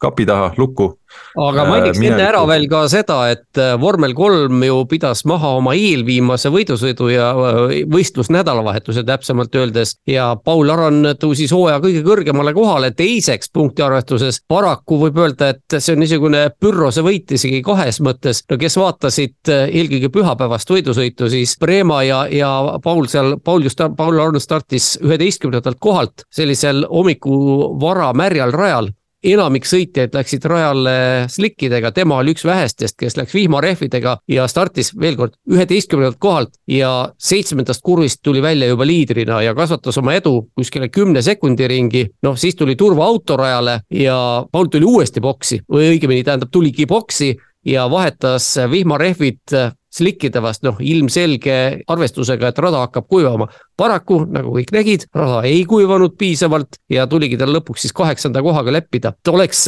jah, oleks on paha poiss, nagu me kõik teame, aga oleks ta seal sõitnud vihmarehvidel edasi, siis ilmselgelt oleks tulnud sealt ülivõimas võit jah, sellepärast esimesed neli olid kõik alustanud vihmarehviga ja viiendana lõpetas Kaio Kollet, kes oli siis kõrgeim, kõrgemal kohal lõpetanud slick-rehvidel sõitja ja tema oli ka tegelikult võib öelda ainukene, kes nende slickidega hästi hakkama sai, sest ta oli, alguses ta oli Paulist tagapool, siis läks mööda ja kadus eest ja viimase möödasõidu tegi veel viimase saja meetri peal, kui Sebastian Montoyast lihtsalt puhtalt kiirenduse peal mööda läks tänu sellele, et tema rehvid olid olemas. Montoyal ilmselt enam tollel hetkel vihmarehve ei olnud olemaski. aga jällegi nii, nii palju, et et äh, laupäevast sprindisõitu kui vaatasin, siis äh, juba kommentaatorid hakkasid ka, noh, vaatasin seda siis selle kommentaariga, mida mina mõistan, eestikeelset teatavasti ei ole, vähemalt sel hooajal ja juba hakati punkte arvestama ja siis ühel hetkel justkui kõrvalt tuli informatsioon ja hästi kiiresti reageeriti, et oot-oot-oot-oot, me siin ajame praegu tühja juttu. tegelikult jagatakse küll auhinda, auhindu, aga punkte ei saa selle sõidu eest, sellepärast et kahte järjestikust turvaauto vaba ringi ei ole sõidetud. kahte järjestikust ringi roheliste lippude all ei ole sõidetud ja alles hilisõhtul selgus, et äh, ikkagi jagatakse punktid välja ja see näitab nüüd veel kord, Toomas ülla-, üllatas mind pühapäeva hommikul, et äh, noh, ma ütlesin, et noh suht mõttetu sõit oli või mis ma seal ütlesin ja Toomas ütleb, et no väga ei olnud, et, et ikkagi nii Paul palju. tõusis teiseks. ja et Paul tõusis teiseks, ma ei mõtle, oota, mis mõttes tõusis teiseks ja see uudis tuli nii hilja, et ma, ma enam ei vaadanud üldse, ma ei oodanud mitte midagi. ja nüüd on siis teema selle, selles, et äh, reeglid on kirjas ja isegi FIA oma ametnikud ei suuda neist piisava kiirusega aru saada ja läbi närida. kuna läbiti terve võistlusdistants, mis sest, et äh, suurelt osalt turvaauto taga, siis tulemus läks kirja ja peab punkte andma, aga esialgu oli informatsioon selline, mitte kommentaatorite poolt, vaid FIA enda poolt, et punkte ei jagata. nii et siia me oleme siis jõudnud. küsimus oli, ma selgitan ka, millest see äh, segadus tekkis, algselt kalendris oli kirjas, et viisteist ringi peab olema distants. võistluse eel neljapäeval äh, lühendati distants kaheteistkümne ringini, see oli siis täisdistants, aga FIA ametnikud, kes esialgu selle punktide mitteandmise välja hõikasid, nemad arvasid, et see viieteistkümnelt kaheteistkümnele lühendamine võistluse eel, rõhutan just nimelt võistluse eel, see tähendab lühendamist, tegelikult ei tähendanud, kaksteist ringi oligi täisdistants. aga muidugi selliseid asju ei tohiks juhtuda, punkt üks, ja punkt kaks, arvestame seda, et vormel kolme reeglite maht on ju kordades väiksem kui vormel ühes ja kui seal juba ei suuda korraldajad või kohtunikud või žürii või kes iganes seal olid, ei suuda neid reegleid järgida, ei suuda otsustada, mille, millise reegli prioriteet on kõrgem, millisel madalam, siis mida me imestame, et vormel ühes sellised segadused tekivad. aga, aga noh, Paul Aroni kohta jah ta on praegu ainukene peale punkti liidri Gabriel Portoleto, kellel viimasel etapil on veel teoreetiline võimalus äh, tiitel võita. tõsi küll, see on üli, üli, üli, üli teoreetiline, sest Paul peaks võtma sel juhul kõikvõimalikud punktid, kõikvõimalikud kolmkümmend üheksa punkti ja Portoleto ei tohiks ühtegi saada. nii et teoreetiliselt võimalik, praktiliselt saame näha. saame näha aga keegi, kes ei saa enam väga näha, vähemalt vormel ühte seestpoolt, on täitsa mitu inimest nüüd tegelikult, sest vahetult enne nädalavahetust tuli suur pressiteade, et alpiinist saavad kinga Otmar Schaffnauer ja Alain Berman kes on siis nende spordidirektor. Fredi, mäletad sa, mida sa ütlesid eelmises saates Schaffnaueri kohta? Jah, ma, ma ütlesin ja ma ütlesin, et ta on nagu pädev inimene, kes võiks nagu edasi jääda ja tema nagu endast parima andnud. põhiline oli see, et sa ütlesid, et ta ei ole midagi valesti teinud. paistab, et sellest ei piisa jah, ühesõnaga ütleme, alpiinis on nüüd läinud nagu Ferrari'ga võrreldes veel kõrgemal tasemel selliseks äh, rahvateatriks ja verevalamiseks ja, ja lihtsalt äh, selline Prantsuse äh, tragöödia või mis iganes seal toimub nüüd, aga nagu ütlesime, sai see alguse nädal tagasi, kui äh, Alpiini tegevjuht äh, Loren Rossi põhimõtteliselt lasti lahti, aga liigutati ümber siis eriprojektide peale jutumärkides. võib-olla eriprojekt ongi kodus tulpide kasvatamine, jumal teab, mida see tähendab, aga siis selle järel nüüd vahetult just enne enne reedest või reedel tuligi, ma, nüüd täpselt seda ajajoont ei mäleta, tuligi siis uudis, et äh, tiimipealik Otmar Schaffnauer äh, lahkub äh, Alpiinist ja samamoodi kolmkümmend kaks aastat äh, selles võistkonnas Enstone'is, olgu siis Benetton äh,, Renault, Lotus, Renault, Alpine, mis iganes nime nad on kandnud äh,, Lamperman lahkub samamoodi, kes oli seal enne Michael Schumacheri, kui Schumacher Benettoniga liitus. ja, ja nüüd otsustati siis äh, temaga sealt lõpuks minema peksta, mitte lõpuks, aga otsustati minema peksta. ja samal ajal tuli veel teade, et Pat Fry, tehniline direktor, liitub Williamsiga tehnilise direktori rollis ja, ja nemad siis kolmekesi alpiinist läinud. kuidas teie seda uudist vastu võtsite ja millised teie vaated on nüüd selle, võtame kõigepealt siis Schaffnauri, kas ta tegi midagi valesti siis? Äh, üks allikas, kust ma lugesin, väitis, et Schaffnaurile muuhulgas äh, pandi siis süüks seda, äh, tuletan meelde, et Schaffnauer sai tiimipealikuks eelmisel hoole, hooajal, oli nii ju ja poolteist aastat sai olla ametis. jah, poolteist aastat sai, sai olla ametis ja Schaffnauerile pandi siis süüks seda, et ühe hooajaga kaotati nii Piastri kui Alonso see muuhulgas on tema süü. mina ütleks selle koha pealt, et see on rohkem nagu juristide süü, et kes neid lepinguid seal loevad või ei loe teisest küljest äh, need vangerdused praegu, no äh, Fry puhul vist on küll see teema, et äh, Fry Yoda seda siseelu nägi ja, ja ta sai sellise pakkumise, millest tal oli raske ära öelda, nii et tema väidetavalt läheb päris vabatahtlikult minema. aga sellised vangerdused sellisel hetkel ja sellise, sellisel hulgal minu meelest õiged ei ole ja sellele võistkonnale ka lähemas perspektiivis edu ei too no Schaffnaueri süüdistamine selles, et Piastri ja Alonso lepinguid ei õnnestunud sõlmida, see on jälle see vabanduste väljatöötamise osakonna produkt täiesti kindlasti, sest tegeles ju nende asjadega Rossi isiklikult, suur juht ja õpetaja, oma enesetarkusest ja seal oligi niimoodi, et Alonso põhimõtteliselt kaotati äh, Rossi äh, tegemiste tõttu ja Piastri kaotati äh, väga ebapädeva juristi tõttu, kes ei suutnud normaalset, esiteks ei suutnud kokku panna lepingut ja teiseks ei suutnud seda lepingut piisavalt konkreetset teha, et, et Piastrit hoida. Nagu ma aru saan, sellised ikkagi sellisel tasemel lepinguid sõlmib, sõlmib mitte tiimijuht, vaid noh, Alpine, mis on ikkagi suhteliselt väike firma, seal käib see ikkagi firma juhtkonna tasemel. Jah, jah, Schaffnauer ei olnud selles osas mitte mingi tegelane, Schaffnauer veel arvas ka ta ei teadnudki midagi, Alonso lõpuks Strolliga käed lõi, ta arv-, ta ei teadnud mitte midagi sellest ja, ja nii edasi ja nii edasi, okei okay Berman on ka igipõline põhimõtteliselt Enstone'i või Team Enstone'i liige olnud ja näinud mitmeid tiitlivõite sellega, näinud Schumacheri, näinud Alonso ajastut, käinud läbi selle lootuse pankroti põhjast. kas see oli ka nüüd õige inimene, kes välja peksta? Kuidas see ametlik, see oli Bruno Famin vist, kes, kes on siis nüüd, mis tal see amet on, Alpiini mootorispordi juht ja ajutiselt ka vormel üks tiimi juht. ja kas mainida... ta on asepresident ka seal veel? no see on, see on inglisekeelne nimetus jah, ma ei tea, kuidas ta, kuidas ta prantsuse keeles veel on, aga põhimõtteliselt tema siis jah, kogu seda võidusõiduvärki juhib Alpiinis ja kui ma ütlen kogu võidusõiduvärk, siis äh, pean silmas ka seda, et Alpiin on ju tulevast aastast äh, FIA kestvussõitude MM-il ka prototüübiga osalev, nii et see võib olla ka päris suur projekt, aga Famen ütles mingisuguse niisuguse repliigi, et äh, firma ja teiselt poolt siis Safnaueri ja Bermani arvamused läksid lahku edasimineku kiiruses või, ja, või. mingi selline totakas lause oli tõesti. no mina šifreerin seda lahti niimoodi, et äh, Safnauer ja Berman ütlesid vähemalt nad kindlasti arvasid ja tõenäoliselt ka ütlesid, et ärge tehke lollusi ja siis on noh, väga lihtne on öelda, et näed, töötavad vastu, palun, uks on seal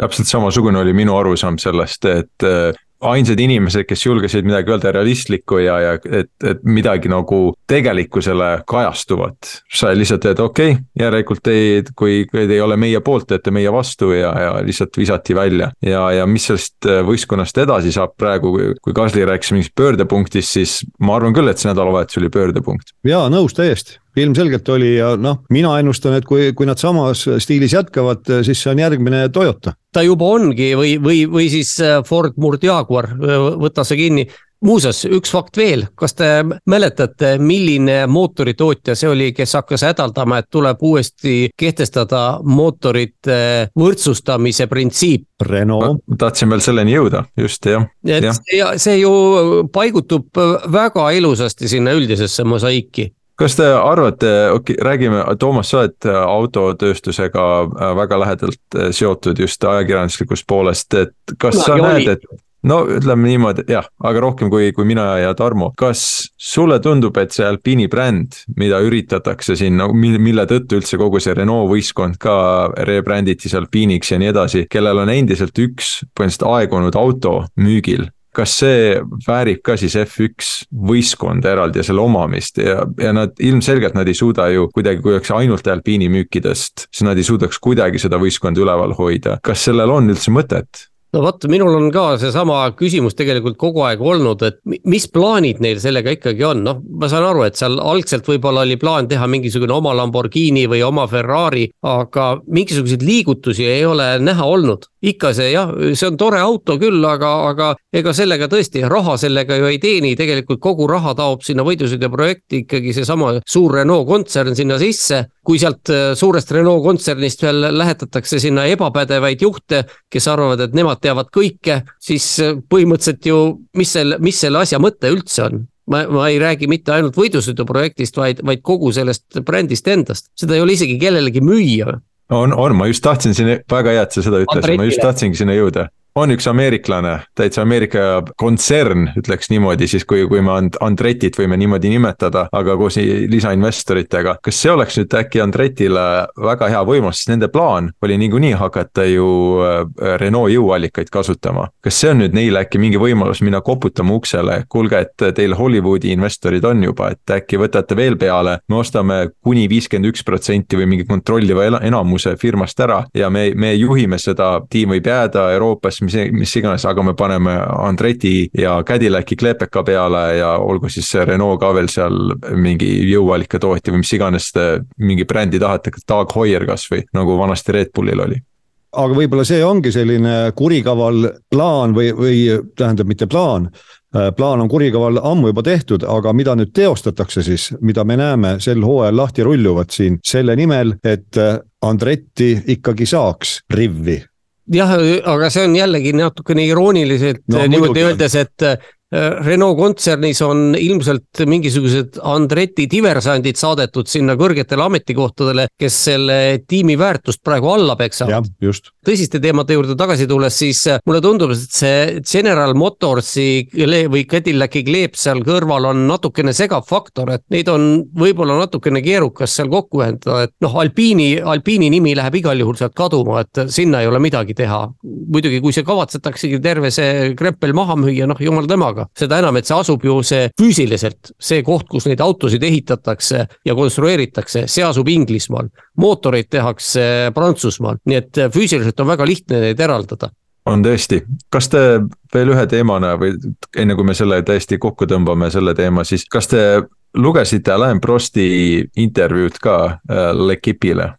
Vabandust häälduse pärast. ma üritasin lugeda just nimelt seda intervjuud, mis Prost andis L'Equipile või, või teise teooria järgi oli see tema kolumn äh, originaalallikast, aga paraku ma ei ole selle lehe tellija, nii et ma ei saanud seda lugeda rohkem kui vast umbes kümme rida tõlke ja mootori abiga ja siis püüdsin leida erinevatest allikatest, mida ta rääkinud on ma ei tea, kas see nüüd oli täisintervjuu, mis oli peamiselt inglise keelde tõlgitud, aga me oleme siin väga leebed olnud alpiini suhtes, kui võrrelda seda Prosti väljaütlemist. Just seda ma tahtsin, ma tahtsin lihtsalt selle välja tuua, sest see oli väidetavalt veel päris mahukas intervjuu olnud, et see ei olnud niisama, et, et tõesti see, mis inglise keelde lõpuks tõlgiti või inglise meediasse jõudis, oli väike osa sellest ainult. aga ma lihtsalt tahtsin ühe tsitaadi ka sellest äh, välja tuua, mis minu, mind ajas naerma lihtsalt ja, ja oli, oli selline humoorikas, kuigi selle nagu tagajärg ja kõik see on üsna traagiline, siis äh, see väljaütlemine oli, oli väga eht prantslaslik ja ütleb siis äh, Alain Prost sel-, sellist asja. Lorraine Rossi on Dunning-Krugeri efekti parim näide, ehk see on üks juht, äh, saamatu juht, kes arvab, et ta suudab oma ebakompetentsust kompenseerida ülbuse ja ebainimliku suhtumisega oma töötajatesse jah, see on, see on vast kõige, kõige värvikam nendest äh, tsitaatidest, mida inglisekeelses meedias lugeda võib, aga kes ei tea, mis see, oh, kuidas see efekt nüüd oli?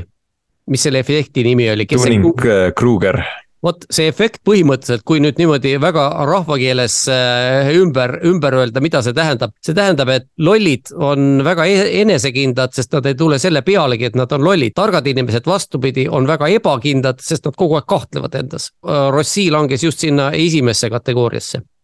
täpselt jah, täpselt nagu me olime enne, enne maininud ka siin ja, ja, ja see on lihtsalt olnud äh, kurb, et see Alpine'il on läinud maksma vähemalt kaks aastat äh, arendust ja kõike seda, et vaatame, mis sellest võistkonnast veel tulevikus võib saada, aga praeguses juhul jah, selles mõttes nõustume Kaasliga, et oli, oli küll pöördepunkt, aga ma eeldan, et, et see pööre ei olnud mitte õiges suunas viimane teema, millest tahtsin rääkida, oli, kas oli reedel või neljapäeval, minu, ma ei mäleta enam, mis päeval see oli, aga peeti F1 komisjoni koosolek, kus oli F1 komisjon, kui, kui ma nüüd ei eksi, on siis äh, kümme võistkonda kümne võistkonna esindajad pluss FIA pluss FOM. Ja nemad siis äh, räägivad olulisi teemasid ja mõnikord isegi suudavad otsuse vastu võtta, näiteks kas mullivett või, või lihtsalt äh, gaasita vett tellida. Ja, ja võib-olla, et nagu mis, mis lõunaks äkki saab. aga, aga sellega nagu see olulisus teinekord suuresti piirdub, aga mõned asjad, mis siis tõesti või üks asi, mis vastu võeti, on see, et Bahreini hooajaline test toimub kakskümmend üks kuni kakskümmend kolm veebruar. See on vist, kas oli nädal enne või mõned päevad enne vormel üks hooaja algust, kui ma õigesti mäletan kas see on nädalavahetus või, sest minu meelest, kas ma õigesti mäletan, et esimene Bahreini Grand Prix treeningupäev oli kahekümne, kakskümmend kaheksa veebruar. kakskümmend kaheksa veebruar oli minu meelest, mälestuste järgi ka. just, nii et, et see on mõned päevad kõigest enne, enne ja. kui läheb hooaja alguseks juba nii no, et. siis on. jah, noh, see otsustati ära, see väga-väga suur kuum teema, eks ju. aga, aga noh, oluline on see, et suudetakse tõesti midagi otsustada, sest kui me mõtleme Bernie Ecclestoni aegasid, siis noh, sellised isegi nii põhimõttelised asjad nagu, nagu kalendri asjad, need ju venisid ja venisid ja venisid aasta lõpuni välja, praegu tänavu ju kalender tuli juba nagu ette nähtud üle poole aasta, enne kui võistlusi hakatakse pidama see on täitsa tõsi, jah, ja üks asi veel, mis otsustati mitte otsustada, siis on see, et seisvad stardid jäävad endiselt võistlusdirektori otsustada. pärast Austraalia etappi see aasta oli see teatud teema, aga ka seal mingit nagu otsest konsensust ei leitud ja otsustati, et jääb see süsteem edasi nii, nagu praegu on, nii et kui on punane lipp, siis jääb see võistlusdirektori otsustada, kas tuleb seisev start või turvaauto taga või, või mis iganes. Paigalt start siis. tuleb, siis tuleb jälle, mis me, mis me ikka öelda oskame, et äh, vähemalt me teame, mis tuleb või, või, või siis ei tea, sest tegelikult see protseduur,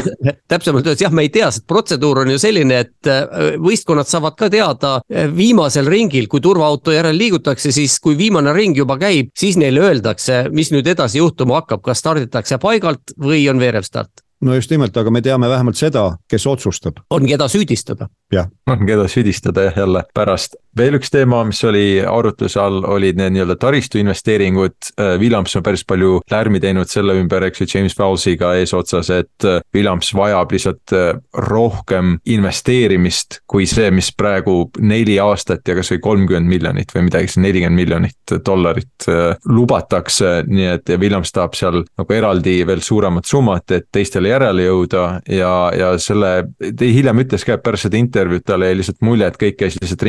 ringiratast ja mitte kuhugi ei jõutud ja otsustati siis see teema ka edasi anda F1 komisjoni finantskomiteele et nemad saaksid edasi arutada seda, aga kuidas te hindate, kas siin on üldse reaalne võimalus, et äh, vormel üks võistkonnad jõuavad mingis summas või mingis süsteemis kokkuleppele, arvestades, et suuremad tiimid, McLaren, või isegi McLaren mitte nii väga, aga, aga ütleme, et Mersu, Ferrari, Red Bull, nemad tahavad oma eelist hoida, sest nemad on täiesti välja arendanud kõik, nendel põhimõtteliselt väga palju investeerib ja nemad saavad selle kolmekümne miljoniga või neljakümne kahekümnega, mis tuleb, saavad ilusasti hoida enda eelist. Ja samal ajal teised võistkonnad, näiteks Sauber ja, ja Williams, nemad on ju tegelikult hädas, Alfa Tauri võime ka sinna panna. ja nemad ei, ei jõuagi järele, kui nende baastootmispinnad ja kõik sellised asjad on, on ikkagi kaks, mõnel juhul, nagu James Vowles ütles, kakskümmend aastat ajast maas. no seal peab mingisugune präänik olema neile suurtele, et nad äh, nõustuksid sellise asjaga, lihtsalt kuivalt niimoodi, et nojah, tegelikult küll, et eks nad on nõrgukesed, et las teevad rohkem trenni kui meie, noh stiilis ma ei usu sellesse. jah, miks nad peaksid nõustuma? jah no Täpselt. ikkagi, et, et konkurentsi ja et vaatajatele rohkem pakkuda ei. ja et ikkagi demokraatlik asi ja, ja nii edasi.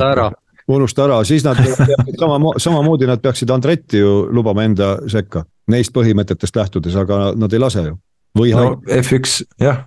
iga, igast põhimõtteid on F1-s, need, need muutuvad nädalast nädalasse. vaatame siis, mida see finantskomitee nii-öelda otsustab äh,, ilmselt mitte midagi. ja siis Toomas, sa juba mainisid seda, arutluse all oli veel Renault poolt esile toodud äh, siis palve, et nemad saaksid oma jõuallikat edasi arendada, sest teatavasti praegused jõuallikad on, on, nende arendustöö on külmutatud, ainult mingid teatud äh, vastupidavusega seonduvaid äh, või töökindlus kindlusega seonduvaid asju võid muuta. Ja kui eelmine aasta neil tundus, et neil on üsna võimas mootor või vähemalt on teistega sama, sama võimas mootor ja, ja seetõttu ka põhjendati, et miks need neil õhku lendasid kogu aeg, mäletame, kui mitu korda Alonso pidi katkestama erinevate jõuallika probleemide tõttu, siis see aasta tundub, et et neil ei ole, töökindlust on, aga neil mingit jõudlust küll enam võrreldes teistega ei ole, väidetavalt see puudujääk võib olla isegi kuni kakskümmend hobujõudu teistega võrreldes. küsimus on tegelikult äh, natukene mitmetahulisem, et see vastupidavuse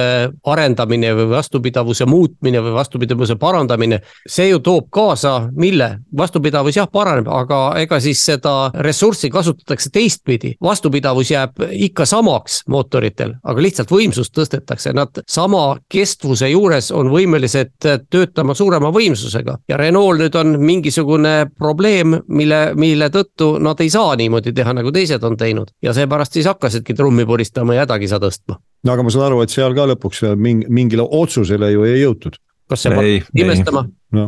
jällegi, miks nad oleks. absoluutselt mitte, jah, jah, see, see, see ei ole üldse, see ei olnud üldse see teemagi, et mingi otsusele oleks jõutud seal. viimane asi, mis siis, no ütleme, et see võib ka äkki otsus olla või äh, otsustati. mitte otsustada. Slickide rehvi soojendused äh, ja nende keelamine lükati edasi aastasse kaks tuhat kakskümmend viis algselt oli see plaan, et tuuakse teil mõlemal oli kohe käsi püsti esimese asjana. aga et esialgselt see plaan oli, et äh, järgmisest aastast keelatakse rehvi soojendused ära slikkidele just, teatavasti vihmarehvidele on äh, juba Monacost äh, soojendused keelatud Nendele mõtletele turvaauto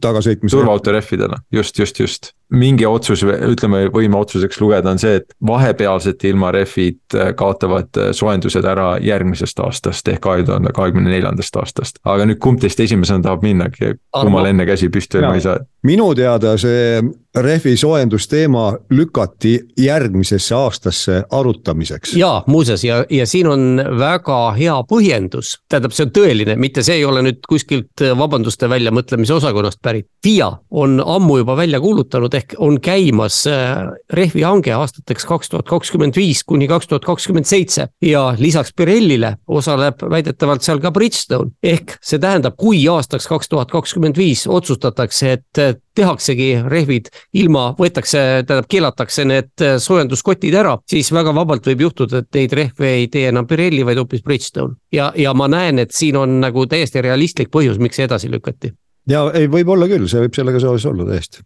no aga edasi lükati sellepärast, vähemalt väidetavalt, et kuigi Bahreinis, Barcelonas, Silverstone'is juba katsetati neid, neid rehve ilma siis soojenduseta ja, ja see uus konstruktsioon ja kõik, kõik, mis sinna alla käib, siis võistkonnad tahtsid veel laiemas äh, nagu ampluaas äh, radadel kasuta, kasutada neid ja näha selle efekte. Ja, ja jällegi selline, kuidas öelda, mitte otsustamatus, aga, aga väga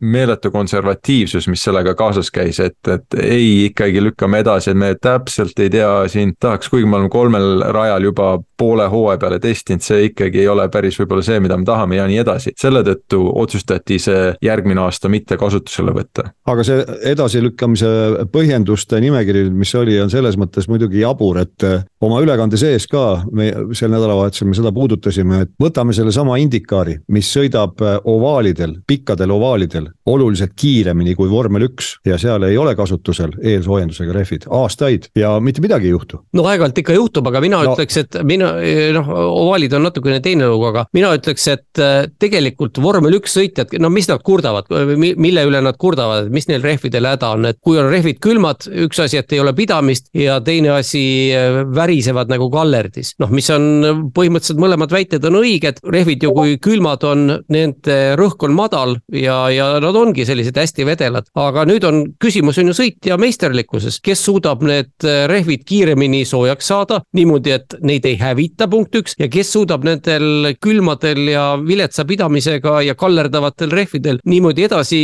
liikuda, et kohti eriti ei kaota. vormel üks sõitjad, kui nad tahavad, võivad iga nädalavahetus seda pilti jälgida vormel kaks põhisõidus, sest seal on rehvide soojenduskatted keelatud, aga rehvivahetus kohustuslik. aga miks ma tõin selle äh, Indikaari ovaalide näite just, Indikaar teatavasti sõidab ju tänavaradadel, tavalistel ringradadel ja ovaalidel, et kolme tüüpi rajad on seal kasutusel, mitte ainult ei keelata vasakule, et äh, seal ju võiksid ka võistkonnad ja võistlejad võtta sõna, et kuulge, meil on siin sellised kiirused ja kui keegi tuleb ja liitub pärast rataste vahetust ülejäänud seltskonnaga, kes tuhisevad seal näiteks Indianapolises. nelisada kilti tunnis sirgel ja ta tuleb oma külma, külma rehviga, see, see on ju esmane ohuallikas, millegipärast keegi ei kurda selle üle, kõik on omaks võtnud, et selge, nii on ja peab hakkama saama ei no see me rääkisime juba, kuidas võidu sõitmine on suur ohuallikas praegu vormel ühes, et noh, jah, see läheb lihtsalt kuidagi väga sinna suunas ja kui, kui midagi on juba paigas, siis sellest loobuda on väga raske. ja kuigi peaks maailma kakskümmend kõige paremat võidusõitjat ja maailma kõige targemad insenerid peaksid ju sellega tegelikult hakkama saama, et vormel üks ei peagi olema lihtne